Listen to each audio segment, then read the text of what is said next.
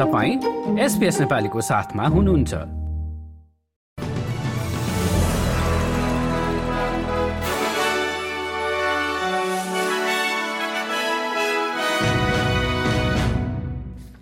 नमस्कार। आज सोमबार एघार डिसेम्बर सन् दुई हजार तेइस। अब पालो भएको छ एसबीएस नेपालीमा आजका प्रमुख अस्ट्रेलियन समाचारहरू सुन्ने। प्रसङ्ग सुरु गरौं होम अफेयर्स मिनिस्टर क्लेयर ओनिलबाट। सरकारले आज एघार डिसेम्बर घोषणा गरेको माइग्रेसन ओभरहलको एक भागको रूपमा अन्तर्राष्ट्रिय विद्यार्थीहरूका लागि अर्को वर्षको सुरुदेखि विद्यार्थी र अस्थायी स्नातक भिसाका लागि अङ्ग्रेजी भाषा आवश्यकताहरू बढाइने बताइएको छ। यस अनुसार अन्तर्राष्ट्रिय अङ्ग्रेजी भाषा परीक्षण प्रणाली अन्तर्गत स्नातक र विद्यार्थी भिजा आवेदकहरूको लागि स्कोरिङ आवश्यकताहरूको वृद्धि सामेल छ।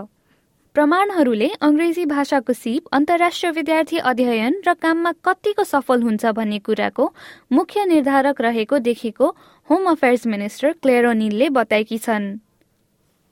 प्रहरीले गत महिना पाँच नोभेम्बरमा डेल्सफोर्ड पबमा पाँचजनाको ज्यान जाने गरी भएको दुर्घटनामा संलग्न चालकमाथि मुद्दा दायर गरेको छ। एक विज्ञप्तिमा विक्टोरिया प्रहरीले छैसठी वर्षीय आरोपितले गैर जिम्मेवार ड्राइभिङका लागि पाँचवटा मुद्दा लापरवाहीका कारण गम्भीर चोटपटक लागेकोमा दुईवटा मुद्दा र जीवनलाई खतरामा पार्ने लापरवाह आचरणको लागि सातवटा मुद्दाको सामना गर्ने पुष्टि गरेको छ। क्विन्सल्यान्डकी प्रिमियर एनेस्टेसिया प्यालेसेले राजनीतिबाट सन्यास लिने घोषणा गरेकी छन्। प्यालेसेले पहिलो पटक सन् दुई हजार छमा राजनीतिमा प्रवेश गरेकी थिइन्। र सन् दुई हजार पन्ध्रमा क्विन्सल्यान्ड प्रिमियरको रूपमा निर्वाचित भएर विपक्षीबाट राज्यको प्रिमियर बन्ने पहिलो महिला राजनीतिज्ञ बनेकी थिइन्। अब अन्तर्राष्ट्रिय प्रसङ्ग। जेलमा रहेका इरानी कार्यकर्ता नर्गेस मोहम्मदीका छोराछोरीले नर्वेको राजधानीमा आयोजित समारोहमा उनको तर्फबाट यस वर्षको नोबेल शान्ति पुरस्कार स्वीकार गरेका छन्। इरानी अधिकारीहरूद्वारा बारम्बार गिरफ्तार भएर वर्षसम्म जेलमा बिताए पनि उनको दशकौं लामो सक्रियताको लागि अक्टोबरमा एकाउन्न वर्षीय उनलाई सो पुरस्कार दिइएको हो। र अब फुटबलमा स्याम कर्कको चेल्सीले आर्सेनलसँग महिला सुपर लिगको खेलमा हार बेहोरेको छ।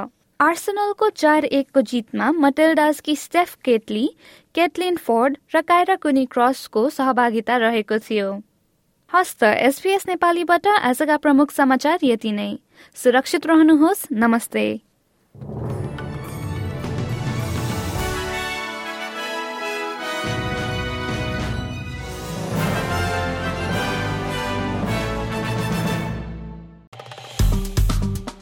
लाइक र कमेन्ट गर्नुहोस्। एसपिएस नेपालीलाई फेसबुकमा साथ दिनुहोस्।